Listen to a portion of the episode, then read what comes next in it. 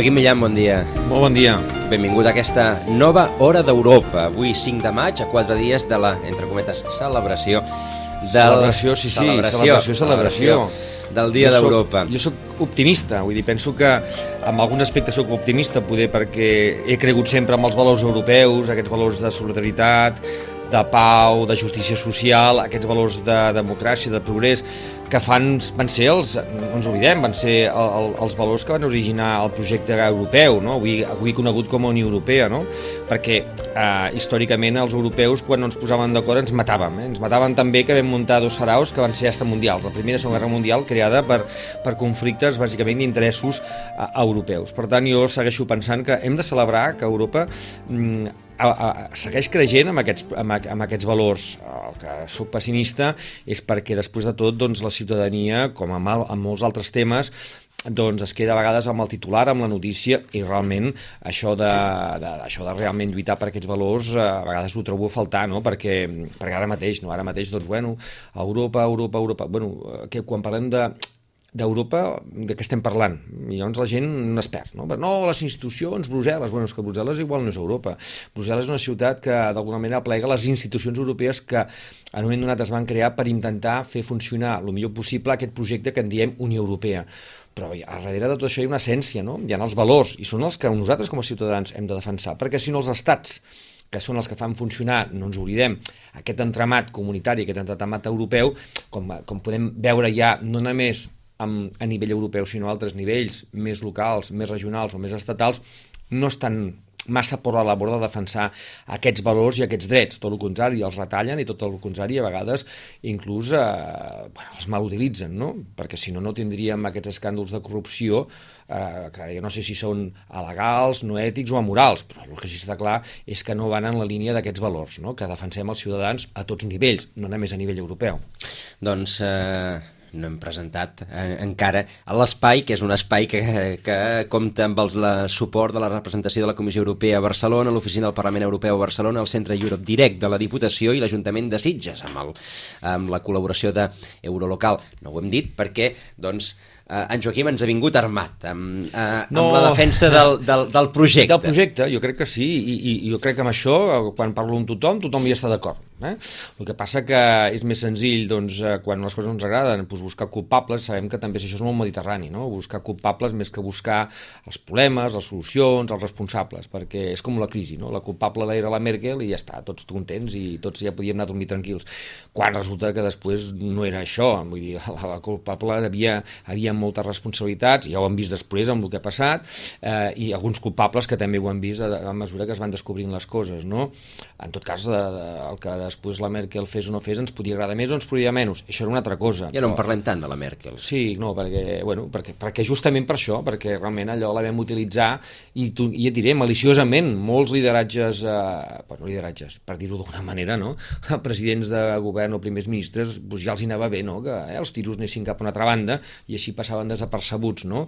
Alguns d'alguna manera molt, molt intel·ligent perquè encara estan, no? encara estan, mira, es tornaran a presentar unes eleccions dintre de poc, aquí, allà, vull dir, realment això és el que tenim i a mi és, el que, és la part més decepcionant o pessimista d'aquests valors que són els que jo sempre he intentat mm, defensar. De fet, durant 18 anys a Sitges ho hem fet, no? Vull dir, eh, hem anat defensant i quan fèiem el concert del Dia d'Europa, doncs sempre no era només una celebració lúdica, sinó que havia sempre un speech inicial on es convidaven a persones que ens feien reflexionar del, quan estàvem parlant d'Europa de què estàvem parlant, hm? de què estàvem parlant d'aquest projecte, eh, inclús moltes vegades reivindicatiu i, evidentment, moltes vegades eh, doncs, bueno, doncs posant a punt sobre i quan ha passat l'U d'Ucrania, quan el tema de la crisi econòmica, quan el tema dels Balcans i ara mateix doncs, amb el tema dels refugiats, perquè, clar, no és l'Europa que nosaltres com a ciutadans o jo com a ciutadà vull. Potser se'ns ha fet una miqueta gran aquesta idea d'Europa. Gran en el sentit de, de cronologia, eh? Bueno, és, és com tots els projectes, no? Tots els projectes eh, s'ha de conèixer a vegades els orígens, no? Moltes vegades també és veritat que eh, no només per coneixença o per, per, pels, pels, diguéssim, pels estudis o per lo que sigui, sinó senzillament per l'edat, eh? un ja té certa edat i a vegades dius, no, és que jo tinc més experiència no perquè sigui més veu que tu, sinó per l'edat, no? Llavors ja ves les coses en certa perspectiva, no perquè les has llegit o les han explicat, sinó perquè les has viscut. I, i això és una mica, doncs, eh, mira, abans eh, ho comentava, no? Dius, mira, doncs, 18 anys cele, celebrant o commemorant, jo a vegades m'agrada més parlar de commemorar el per què eh, un moment donat els europeus vam pensar, alguns, eh, que era bo generar un projecte de, de solidaritat. De fet, pensa que eh, en el, eh, quan el Jean Monnet i el Robert Schuman eh, escriuen el, el, el, el, el manifest aquell que fa tirar endavant un, justament un 5 de maig, i després el llegeixen un 9 de maig, que per això el 9 de maig és el dia d'Europa, doncs eh, eh, escriuen el que escriuen en aquell moment, una de les coses que parlen és l'Europa dels ciutadans i l'Europa de la solidaritat, de fet. Pensa que això després en mans doncs, bueno, dels estats i dels governs dels estats de durant tots aquests anys, doncs, tenim el resultat que tenim, que amb una part és bo, eh? una part ha sigut bo, però en una altra part pens, jo penso que també és veritat que s'adiu molt amb els temps que corren de, de, de manques de lideratges europeus, perquè tampoc estan aquests lideratges a nivells estatals o locals, que fan que aquests valors a vegades es vegin amb certa perversió cert cinisme. I això és a mi el que em fa, em fa pena, perquè penso que, que el projecte és bo, passa que depèn amb les mans que caigui, eh, com, tot, eh, com tot projecte, doncs el resultat no és el, el que a nosaltres ens agradaria. No? I aquí estem. Doncs aquí estem, i aquí estem perquè eh, cada any pel Dia d'Europa es fa un manifest, eh, un manifest que s'entén que s'adiu amb l'actualitat, la, i clar, quin és el manifest que, que s'ha preparat aquest any? Doncs bé, eh, els llegirem a, a continuació i després el comentarem en companyia d'en de, Xavier Ferrer, el que, el que ara també trucarem. De fet, eh, què diu aquest manifest? Diu que les entitats municipalistes, la Federació de Municipis de Catalunya i l'Associació Catalana de Municipis, eh, ens fan arribar aquesta declaració del Dia d'Europa redactada pel Consell Català del Moviment Euro, eh, Europeu. Diu el manifest, la Unió Europea travessa actualment, no és cap secret, els moments més difícils de la seva història. Ha afrontat altres crisis anteriorment que sempre han acabat superant i de les quals se n'ha sortit fins i tot més forta. Però el que no s'havia vist mai és que arribessin tantes crisis al mateix temps i cadascuna amb un poder destructiu tan gran com està passant ara. La crisi dels refugiats és particularment dolorosa. Centenars de milers de persones tracten d'entrar als països europeus, sovint en circumstàncies molt tràgiques, fugint de conflictes tan devastadors com el de Síria, provocat per diversos actors. L'arribada massiva de refugiats posa en evidència la desunió europea, fa perillar un dels pilars de la Unió Europea, la lliure circulació de persones, i fa paleses grans mancances com la inexistència d'un control mancomunat de fronteres o d'una actuació coordinada per tractar d'ajudar a superar els problemes en els països d'origen dels refugiats, així com el controvertit acord entre la Unió Europea i Turquia sobre la tornada dels refugiats. Després de la caiguda del mur de Berlín, d'això ja en fa més d'un quart de segle, i encara que sembli impossible, alguns estats europeus tornen a aixecar murs perquè no hi entrin persones que fugen de terribles calamitats i cerquen sobreviure en terres europees. Ens trobem davant d'una situació insuportable que ens mostren cada dia els mitjans de comunicació i que va en contra dels valors europeus més elementals. Les solucions són difícils però existeixen i és possible posar-les en pràctica. Es tracta de fer nous passos endavant cap a la integració europea amb noves sessions de sobirania per part dels estats que permetin una resposta generosa i coordinada. La crisi de l'euro, que encara no està superada, ha posat de manifest que la, única, que la moneda única va néixer amb una sèrie de defectes congènits que s'han intentat corregir sobre la marxa els darrers anys. Les polítiques d'austeritat aplicades per lluitar contra aquesta crisi no han resultat eficients, han provocat un gran patiment social, han augmentat les desigualtats i han causat danys molt importants a l'estat del benestar europeu. La gestió de la crisi ha creat problemes en el funcionament de les institucions europees, ha generat fortes tensions entre els estats del nord i del sud, entre deutors i creditors, entre el centre i la perifèria. El nivell de desafecció dels ciutadans europeus respecte a la Unió ha augmentat considerablement, fenomen que es troba en l'origen de moviments populistes que es caracteritzen pel seu antieuropeisme. Com en el cas dels refugiats, també es pot dir que existeixen solucions a la crisi de l'euro i que són possibles. Una vegada més, es tractaria de mancomunar actuacions entre els estats, les autoritats regionals i locals i de fer efectives sessions addicionals de sobirania en matèria pressupostària, fiscal, monetària, econòmica i política. Caldria afegir, a més, l'amenaça del terrorisme i la possible sortida del Regne Unit de la Unió Europea després del referèndum del proper mes de juny, que deixa una ombra d'incertesa sobre el futur de la integració europea. Per complicar encara més les coses, aquests problemes s'agreugen pels riscos geopolítics mundials. Davant d'aquesta situació tan delicada, Alguns analistes no dubten a dictaminar que la Unió Europea camina cap a la seva descomposició. Això és precisament el que els europeus hem d'evitar per sobre de tot. No podem engegar a rodar 70 anys d'integració europea. Des del Consell Català del Moviment Europeu fem una crida perquè la Unió Europea treballi per retornar els valors fundacionals en aquesta hora de grans dificultats. El fracàs de la Unió Europea significa el retorn als proteccionismes, a vells enfrontaments. El relat fundacional de la Unió ha estat precisament el de garantir la pau, la reconciliació i la prosperitat, i fins avui s'ha aconseguit. Es tracta d'un gran èxit del qual ens podem sentir orgullosos i que hem de preservar, però hem de treballar per enfortir i aprofundir per tenir una Europa cohesionada i socialment més justa. Avui dia d'Europa, des del Consell Català del Moviment Europeu, alcem la veu per demanar que es duguin a la pràctica les solucions necessàries per superar les crisis actuals el més aviat possible. Ja hem vist que totes passen per l'atorgament de més sessions de sobirania de part dels estats cap a la Unió, i això vol dir senzillament més Europa. Ens comprometem, per tant, a treballar plegats per superar totes les crisis actuals que posen en perill la mateixa existència de la Unió Europea i per aconseguir una Europa cada dia més forta, més solidària i més unida. Xavier Ferrer, bon dia. Bon dia. Uh, hem llegit, ens, ens sentíeu llegir, el manifest del Consell Català del, uh, del Moviment Europeu sí, sí. al voltant de... No sé si és, si és el manifest més dur que, que, que heu fet al llarg de, de la història del Consell ja no, eh, jo diria que és el manifest, potser l'adjectiu seria més trist, perquè ens agradaria fer-lo, tal com acabem, amb una visió, i així la veiem, optimista d'Europa, de que hem d'anar cap a l'Europa unida, preservant les, les realitats territorials que hi ha, eh? però una Europa democràtica i solidària, però veiem que actualment eh, Europa està en crisi, la Unió Europea està en crisi per diferents motius que, que, que han sortit a, a la lectura del, del manifest. No? Llavors ens agradaria que aquests reptes que tenim, aquestes problemàtiques no hi fossin, però no podem estar al marge de la realitat i els hem d'escriure i o denunciar amb la idea de treballar per fer més Europa i per a, a, a caminar cap a, a aquesta Europa unida, repeteixo, preservant les realitats que hi ha a dintre, perquè eh, en definitiva, és eh, donar resposta a el que s'ha fet durant 70 anys i evitar les confrontacions que hi havia hagut amb els estats europeus i tirar enrere podria representar tornar en aquest escenari i, a més a més, en el segle que estem i amb el món globalitzat com està, no té sentit anar enrere. Hem de ser una comunitat, diguem, gran per tenir capacitat fins i tot d'exportar els valors de la Unió Europea, que ara estan en entredit, com són la pau, eh, la solidaritat, el respecte a les minories, els drets humans i això. I per això treballem amb aquesta línia. El, en el manifest, com a mínim, es, eh, es pot llegir entre línies. La, la Unió Europea està en perill, en perill eh, real.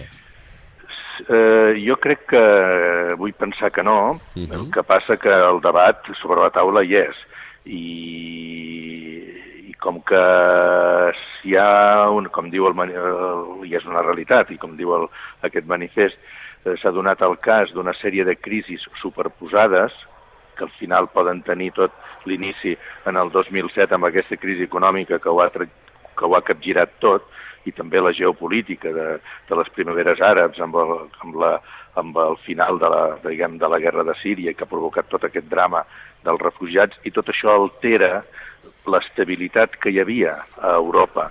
I quan una societat està, diguem, estable, i tothom més o menys va fent i va estar bé des d'un punt de vista, diguem, econòmic, tot es veu en positiu. Quan entra la crisi i comença a afectar, i ha afectat de valent, eh, amples cap, capes de la societat, eh, llavors és quan, eh, i és humà, ens tanquem. I tancar-se què vol dir? Eh, en diferents àmbits, en l'àmbit familiar, en l'àmbit col·lectiu i en l'àmbit dels estats, doncs alguns estats també s'han tancat i qüestionen la, la, la Unió Europea. Però jo diria que és una, una, una, una, un qüestionament temporal.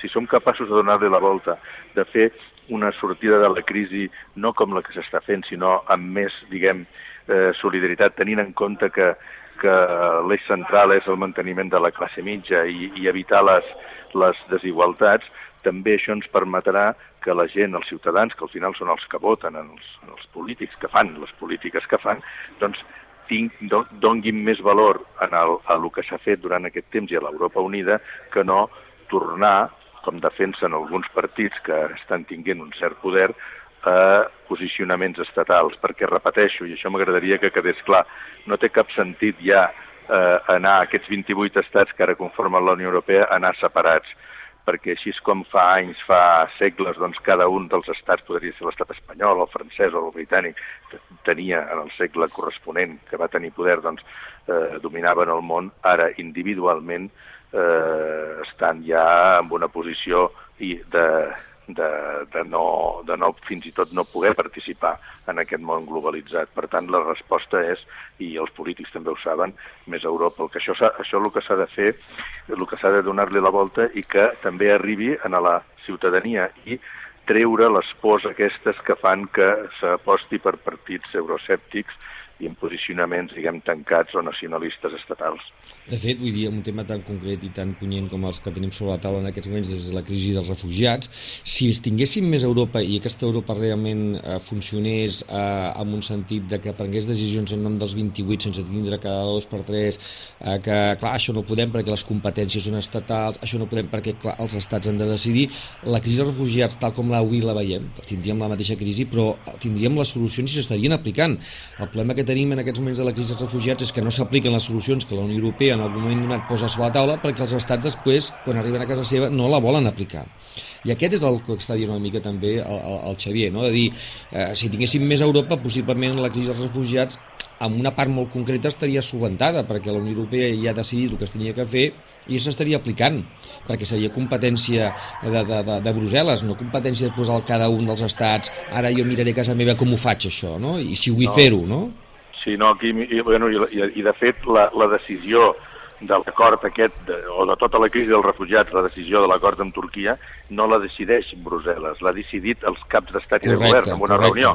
Llavors, el que passa que després, quan els, els caps d'estat i de així... govern tornen a casa, diuen, Clar. ja els hi va bé que el dolent de la, diguem-ho així, pel·lícula de la decisió sigui la, la Brussel·les o la Comissió Europea, però la decisió el, la consensuada que van trobar i que no agrada a ningú, amb el Consell Europeu, són, és, és aquelles polítiques que encara són intergovernamentals, que vol dir que la decideixen els, els caps d'estat i de govern. És a dir, interessant, sí. interessant paradoxa. Els, els caps d'estat i de govern decideixen una cosa perquè saben que tenen una patata calenta sobre de la taula. Correcte. Clar, clar, un cop, sí, un cop han decidit aquesta cosa, cadascú torna a casa seva. I a casa sí. seva diuen, home, això que he decidit no ho puc aplicar sí, sí. Eh, i el dolent ha de ser Brussel·les perquè, sí, sí. i aleshores Brussel·les que no ha decidit res i, i simplement es troba sobre la taula la necessitat d'aplicar allò que han decidit qui mana eh, ho, ho vol, ho vol eh, imposar de manera imperativa i passa per dolent però la paradoxa encara segueix perquè d'alguna forma, com, com diguem Brussel·les eh, hem d'entendre com a paraigües o com a idea de que la Unió Europea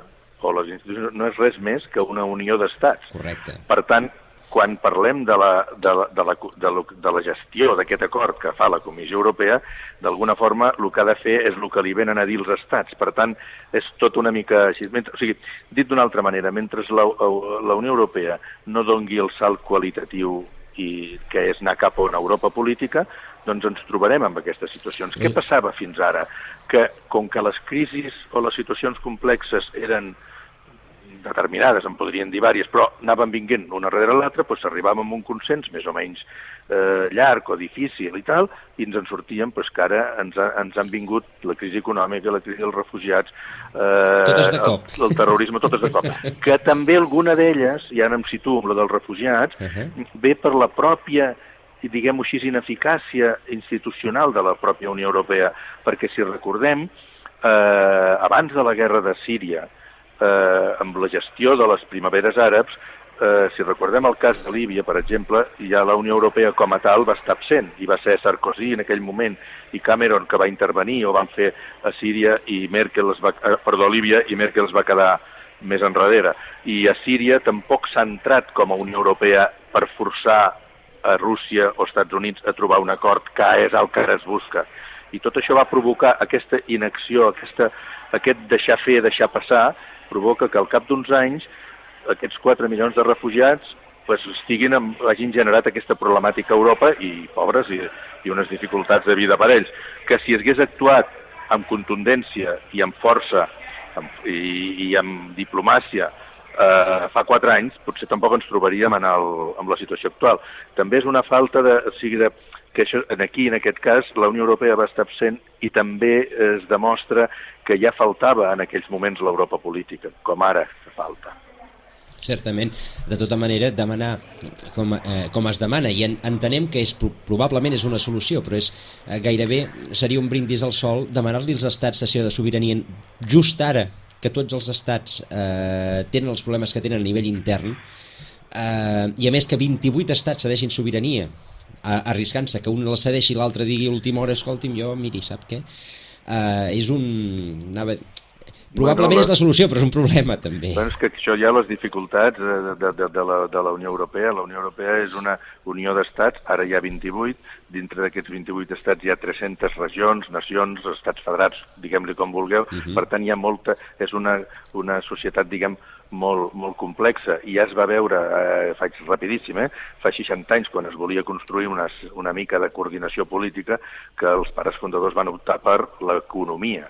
I l'economia sí que ens uneix a tots, però quan s'entra en la sessió de sobirania de, i de poder, que és, que és quan donaríem el pas cap a la unió política, és quan els estats, és, que és com, diguem, toquen el moll de l'os de la sobirania dels estats, i és aquí on estan reticents, i l'exemple posaria o sigui, França i, Alemà, i el Regne Unit, per exemple, que tenen capacitat nuclear eh, en, en l'àmbit de la defensa, eh, doncs mm, són reacis a, a col·laborar, diguem, amb Malta, Xipre o l'estat espanyol, o sigui, que, que, que veuen la capacitat militar d'aquests estats molt més, molt més allunyada o feble. Uh -huh. Per tant, eh, és complex caminar, ja se sap que és complex, però hi ha la, també la paradoxa de que els mateixos governants, els mateixos governants francesos i britànics, encara que ara hi hagi tot el tema del Brexit, que si voleu en parlem, o els alemanys, en el fons saben que, que o anem units o al final Xina, Índia, Estats Units, òbviament, els, ens passaran per davant. I aquesta és la paradoxa i la, i la, la realitat. Doncs en, en parlem del Brexit, sí, eh, ho podem apuntar ni que, si, eh, ni que sigui. Eh, què passarà?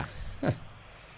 Bueno, dintre del Brexit hi ha, hi ha moltes lectures que es despejaran doncs, eh, el dia 26 amb el referèndum, no? Eh, com aquí. Ara, ara, eh, ara el dia 26, no, el 23, no, el 26 és aquí, no, el 23, el, 19, el 23, el 23 per, el, que estem, ja ens faig, un lío, no, el 23, veia, veia, veia Sant Joan ens estem preparant, no? Exacte, tindrem falles, fogueres i tot.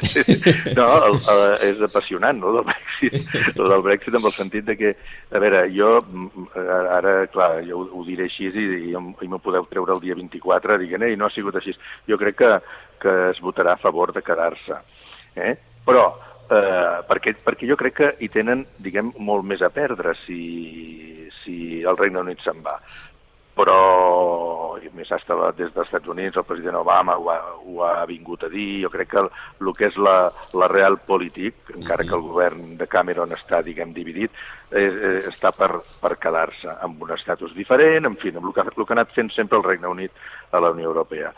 Però, per tant, passi el que passi, jo crec que la relació no serà més la mateixa, algú s'haurà de canviar. Uh -huh. Però si, del, si el Brexit es consolida, diguem, com a tal, com a sortida del Regne Unit, el dilema pot ser més gran, perquè aquí juga Escòcia, que segurament Escòcia sí que sortirà, que es vol quedar a la Unió Europea, i per tant de rebot té un efecte eh, en l'àmbit, en el posicionament de Catalunya. Eh? Posa't un altre, un altre debat sobre la taula, perquè podria ser que el Regne Unit, una part del Regne Unit votés que vol marxar, una altra part, que és Escòcia, votés que es vol quedar, i a partir d'aquí doncs, eh, s'obre un altre espai. La Unió Europea llavors hauria de decidir, home, si hi ha una part que es vol quedar, potser que parlem amb ells, no? Per tant, hi ha un debat que no es parla, que està soterrat, però que, que... Probablement sortirà, acabarà sortint un dia o altre. Sí, Exacte, clar. acabarà sortint, però aquest debat que jo obro ara, o que dic, no interessa, diguem, a ningú. Eh? interessa com una unitat el Brexit, que és veritat. Llavors, eh, hi ha, eh, bàsicament, és un component econòmic eh, important, o sigui, de la City, que no vol estar controlada, que de fet tampoc està controlada. Eh, són, són aquests dos models d'entendre de, la Unió Europea. Eh, el Regne Unit s'ha dit moltes vegades que està a la Unió Europea una mica per tenir aquesta relació comercial, però perquè la Unió Europea no es consolidi políticament. I així ho veuen, eh, la majoria. I aquest és el posicionament difícil també de Cameron, que com és un, un diguem, eh, valent, per dir-ho així, doncs també va dir, va, Escòcia vol... Va, va fem el referèndum. El, la, la dreta del meu partit i l'equip, el partit aquest de Farage, tal, eh, qüestiona la Unió Europea, doncs fem un referèndum. És, és així, no tenia cap necessitat de fer-ho. I Escòcia se'n va sortir pels seus interessos i en aquest jo crec, penso que també amb aquests dos mesos que queden, que és molt temps, si no surt algun fet transcendental que canvi, que a vegades passen, no? eh, jo crec que al final, en els referèndums, sempre hi ha un 10% de gent que al final acaba dient eh, quedem-se com estem, uh mhm. -huh. que és el que va passar a Escòcia, no? Mentre es fan enquestes no surt, però al final surt de que, escolta, no toquem res, que així sabem com el que hi ha, i l'altre és un, diguem, un, un escenari desconegut. Jo Santa Rita, Rita, Rita, que me quedi com estoy, no? bueno, ja, però aquest 10% fa canviar, eh, els vots. Sí, no, està clar, està clar, està clar. Doncs eh, Xavier Ferrer, president del Consell Català del Moviment Europeu, gràcies per haver-nos atès aquesta, aquesta estoneta i en continuarem parlant del Brexit. Un plaer. Gràcies, Xavier, ens veiem aviat. Una abraçada. Doncs nosaltres eh, continuem, eh, farem, doncs això, res, un segon, perquè ara mateix eh, trucarem a, a l'Albert Balada, que és l'altre analista que tenim de capçalera, sempre ens deixa alguna sí, frase interessant, sí, oi? Sí, sí, sí. Uh, però Déu-n'hi-do, és a dir, no, no cal gratar gaire eh, per, per buscar frases interessants. No, home, jo crec que també estem en un moment donat, com estàs tu molt bé dient, Joan, des de l'inici, eh, clau, eh, on s'està sacsejant també el que és la, la política tradicional europea per les crisis que ja venim acumulant. Jo segueixo parlant de que hi ha una crisi que no se'n parla i jo he dit, ho he apuntat al principi, que és la crisi de valors europeus, que és la que ens està portant a la crisi econòmica i financera, a la crisi ara dels refugiats, a la crisi institucional europea, al Brexit i tal. Jo crec que haurien de començar, com a mínim jo crec que des d'aquesta perspectiva els ciutadans haurien de ser més, eh, més proactius a intentar exigir eh, als diversos nivells d'administració i en especial en el dels estats, que són els membres d'aquest club que en diem Unió Europea, que com a mínim respectin els valors i els valors originals d'aquesta Unió Europea. No? Uh -huh, però clar, estem demanant als ciutadans que creguin en uns valors que els uh, polítics, que són els sí, representants sí. públics, sí, probablement sí. no practiquen d'una sí, manera sí. gaire ferma. No, no, això és evident, això és evident i aquí per això aquí que entrem en aquesta crisi de valors que, que té la política europea en aquests moments, manques de lideratges clars, ara mateix tindrem les eleccions aquí dintre quatre dies i la gent ja està cansada, ja no sabem què votarem i ja veurem qui vota aquí i què passarà i, i tothom ja té clar que tornarem a tenir els mateixos problemes i que el govern que surti serà un govern de circumstàncies i ja donem per fet una sèrie de coses perquè no estem creient perquè ells mateixos, l'espectacle que han estat generant durant aquests mesos eh, eh doncs és clar, quin resultat volen? Hm? Es tornen a representar els quatre que han sigut incapaços de, de... Si fos un país seriós, els quatre que diuen, mira tu, no hem estat capaços, escolta, que passi el següent de cada partit, aviam si tenen més habilitat per negociar, però es tornen a presentar els mateixos quatre. Doncs eh, saludem ja, el tenim en línia Albert Balada. Eh, Albert Balada, bon dia. Hola, molt bon dia, com esteu? Molt bé, doncs molt aquí, bon dia. parlant del temps, com qui deia. uh, sí, perquè el temps... De... Encara que aquí, aquí sí que es fa solet, mm, eh, el temps europeu no, no brilla gaire, encara. Estem... Bueno, s'han de fer canvis estructurals que de moment no venen. Que, no, que de moment no venen. Parlàvem, parlàvem fa, fa una estoneta amb Xavier Ferrer, el, el manifest del, del Consell Català del, del Moviment Europeu, eh, parlant sobre la, la necessitat que els estats cedeixin sobirania. Ai, les utopies, oi? Home, en, en realitat jo crec que tothom estem d'acord, llevat dels partits polítics i llevat mm. dels propis estats, en què eh, això ha d'anar cap a la federació no, no té cap sentit eh, un, un model amb, amb criteri, el que estem utilitzant ara, que té criteris federals, però que estructuralment som una confederació i, per tant, hi ha molts problemes a l'hora de prendre les decisions i hi ha decisions que no es poden prendre. Ho hem vist amb el cas de, de, la, de la crisi dels migrats, no? En, en, eh, en massa casos ho estem veient. Sí, sí, hi ha aquests i molts, i, i, i molts més. És a dir, una, una, una unificació monetària que li falten potes, que no es poden fer aquestes potes perquè som una confederació i no una federació, i suposo que el manifest del, del Consell Català del Moviment Europeu va en aquest sentit, és a dir, diu, escolta, comencem a, a crear ja la federació d'una vegada perquè eh, ja és urgent. Jo sempre poso l'exemple, em sembla que ho he repetit també en els vostres programes, és a dir, el, els americans se'n van donar compte de seguida. És a dir, des de 1776 fins a 1789 van anar de la confederació a la federació, perquè se'n van donar compte que havia de ser així, que no tenia no tenia volta de fulla.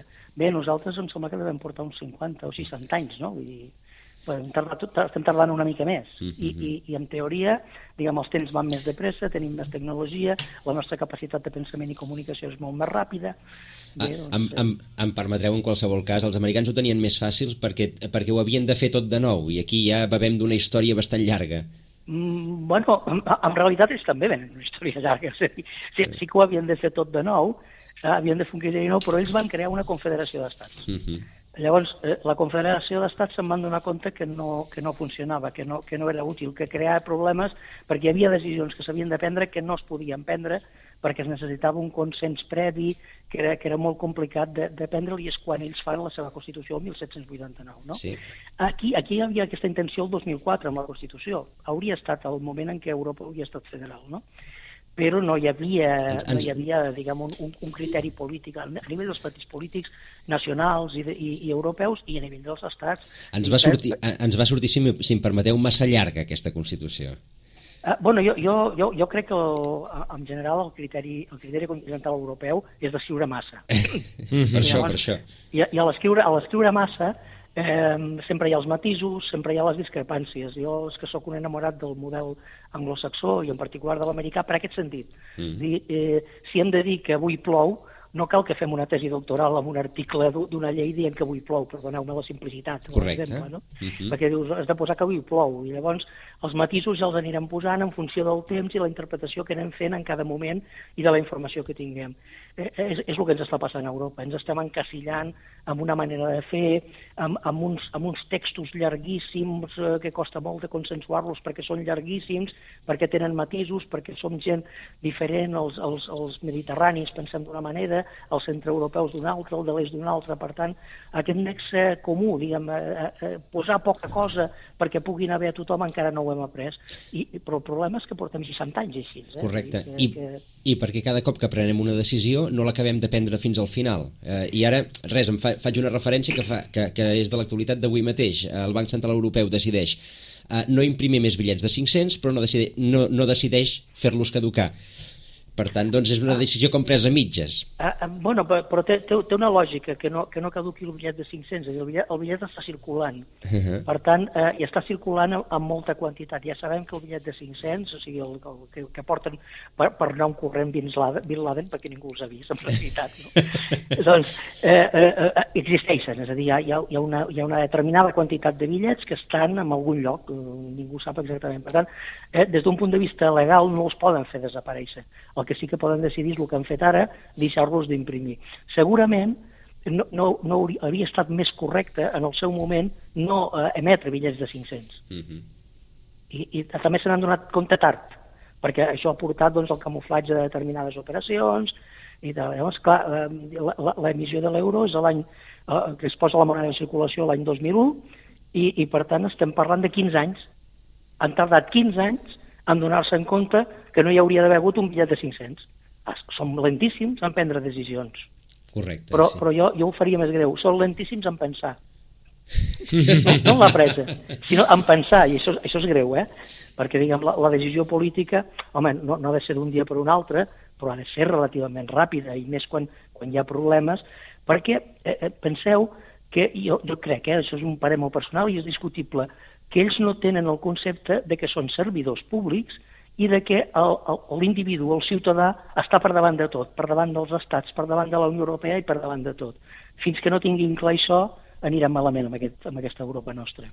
Doncs, eh, déu nhi Esteu d'acord, Joaquim? Sí, jo estic d'acord en un sentit molt concret, i és que aquestes decisions, per exemple, ara amb la crisi dels refugiats, tot el que està passant, la gent, torno a repetir una mica el d'abans, però és curiós perquè, clar, eh, la gent, doncs, bueno, pues, posarem la bandera europea mitja asta, ens manifestarem amb la bandera europea, etc. Però, clar, tot això, els polítics que realment han pres la decisió s'ho miren hasta, jo diria, amb cert somriure, eh? perquè diu, mira, tu, la gent es queixa davant d'una bandera, a mi això no m'afectarà a les properes eleccions.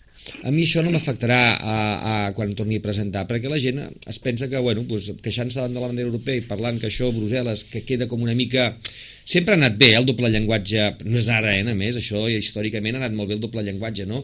Vas a Brussel·les, prens una decisió, tornes a casa, els de Brussel·les són molt dolents, eh? i quan mires la foto, però si tu estaves aixecant el dit a la reunió, però això no ho expliques, no? Per tant, mentre la gent no sigui conscient de dir, bueno, perdoni, eh, les decisions que es prenen malament a Brussel·les o que no ens agraden, justament per que deia també l'Albert, que som ciutadans, han de tindre un cost polític, algú? Mentre això no passi, eh, m'entens? Aniran prenent decisions d'aquestes característiques i mentre la culpa la tingui la bandera o Brussel·les o les institucions i això queda una mica diluït, ja anirà bé. Mm, quan la gent sigui capaç de dir no, perdoni, no, no, aquesta decisió que han pres vostès en nom d'Europa, vostès reunits a Brussel·les, els hi tindrà un cost a vostès, no a la bandereta, eh, llavors la gent s'ho pensarà dues vegades, perquè pensarà que la gent ara ja ens ha pillat el xoc, no? el doble llenguatge ja ens l'ha pillat. No? I per tant, jo penso que aquest és el tema. Aquí ningú està reclamant en els presidents d'estat o dels caps de govern en manifestacions al carrer, escolti'm, aviam, eh, Europa ja ha pres decisions sobre aquesta qüestió. Ara vull llegir el diari, diu Brussel·les vol multar pel fet de no acollir refugiats, vol multar els estats, eh? no vol multar a ningú més. Clar, mm, aquest és el tema, no? Llavors, si la gent veiés que té un cost polític, jo crec que la cosa seria diferent. No ho Ara... sé, Albert, com ho veus tu, això? Bueno, eh, eh en realitat estic totalment d'acord amb el Joaquim, com no pot ser d'altra manera, però eh, eh, jo, jo li dono la culpa eh, fonamentalment a les escoles de negocis, eh, ara que vull, vull matisar-ho, eh? no, no, no culpo que existeixin eh, les escoles de negocis, però de les escoles de negocis neix un criteri que és la, la de la capacitat d'error que podem tenir. No? I, no? Nosaltres podem fer coses i ens podem equivocar. Bé, a la nostra vida privada, això és cert, ja ha de ser així, hem de tenir la capacitat de regeneració. No? Ens equivoquem, corregim i fem les coses d'una altra manera. A la política això és inacceptable. És dir, quan hi ha un error, eh, no es tracta només de dir, bueno, hi ha un error ja ho corregirem, no, es tracta d'assumir responsabilitats. Aquí coincideixo amb el, amb el Joaquim, i, i, i les responsabilitats polítiques han d'existir. No n'hi ha prou amb dir, no, bueno, però ja el ciutadà a les properes eleccions ja castigarà amb el seu vot. No, no, la responsabilitat política és assumir la responsabilitat dels actes fets. Per exemple, per anar a la crisi dels migrats és un tema que ja sabeu que jo tinc un, un pensament doncs, potser una mica diferent, però no parlaria dels migrats, parlaria dels visats que es donarà als ciutadans turcs per entrar a la Unió Europea. Bé, eh, això també portem eh, uns 11 anys aproximadament de retard. Uh -huh, uh -huh perquè hi ha uns acords, que són tractats internacionals, amb Turquia, que havien de permetre això, perquè Turquia té pendent l'ingrés a la Unió Europea. Um, eh, clar, Turquia suposo que tampoc no s'ha plantejat aquesta qüestió, però és l'exigència que els hi ha posat amb el tema de la solució dels migrats. No? Uh -huh. I escolta'm, pot ser que comencis a aplicar allò que tenies que haver fet i allò que vam acordar. Que ara tots els mitjans de comunicació a Turquia se li donarà això com si fos una concessió. No? Però és que això ja ho tenia que tenir el ciutadà turc fa 10, 11 o 12 anys uh -huh. per, per, per, per, pel tractat, no? A algú no li va interessar fer-ho, però clar, parlem, pensem en, en clau del ciutadà, no? Pensem en el clau, el clau del professional eh, liberal, per dir-ho d'alguna manera, que seria un exemple que podríem utilitzar, de l'enginyer que, que pot anar a treballar a Alemanya de manera legal, perquè és ciutadà turc, no? Uh -huh. eh, no ho podria fer perquè necessita un visat. I a més, eh, per, per obtenir el visat, segurament en molts casos, seria un visat limitat a tres mesos com a turista, Te'n dones compte del que estàs fent als ciutadans, Unió Europea, i, uh -huh. i de retruc als estats, no?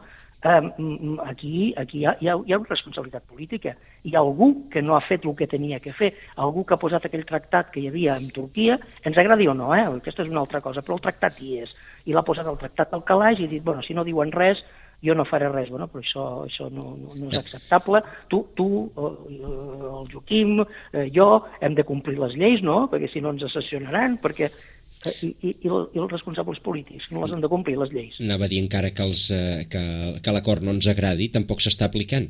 O sigui no, que... és, que, és, és el que dic, independentment de si t'agrada o no, que el ciutadà turc pugui tindre llibertat no, no, de moviment... Dic, per... dic l'acollida de refugiats també, és a dir... No, però, però és que l'acollida cap... de refugiats eh, hauria tingut, tot i que la, la Unió Europea no té competències amb això, uh -huh. i mhm. per tant està parlant de coses amb les que no té competències, aquest és el problema, és dir, les competències en, en matèria migratòria són competències de cadascun dels estats. Estatals. Uh -huh. Llavors, per tant, la Unió Europea, diguem, no s'hi pot ficar.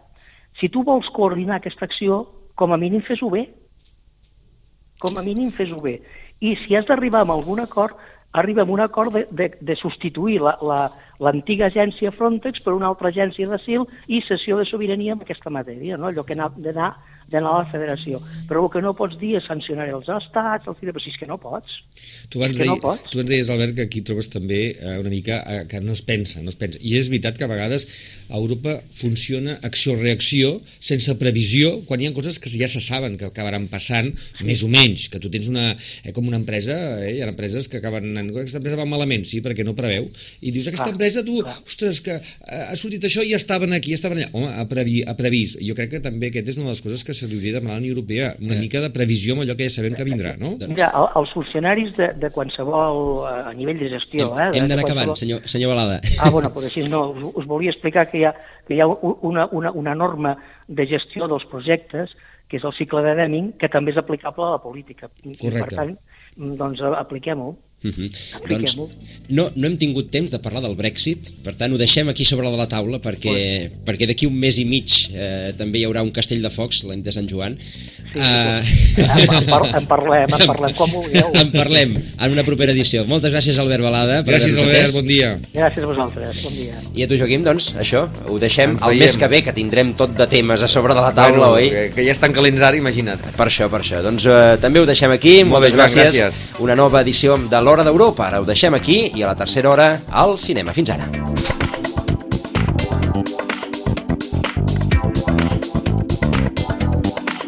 A Ràdio Maricel, cada dia, al matí amb nosaltres.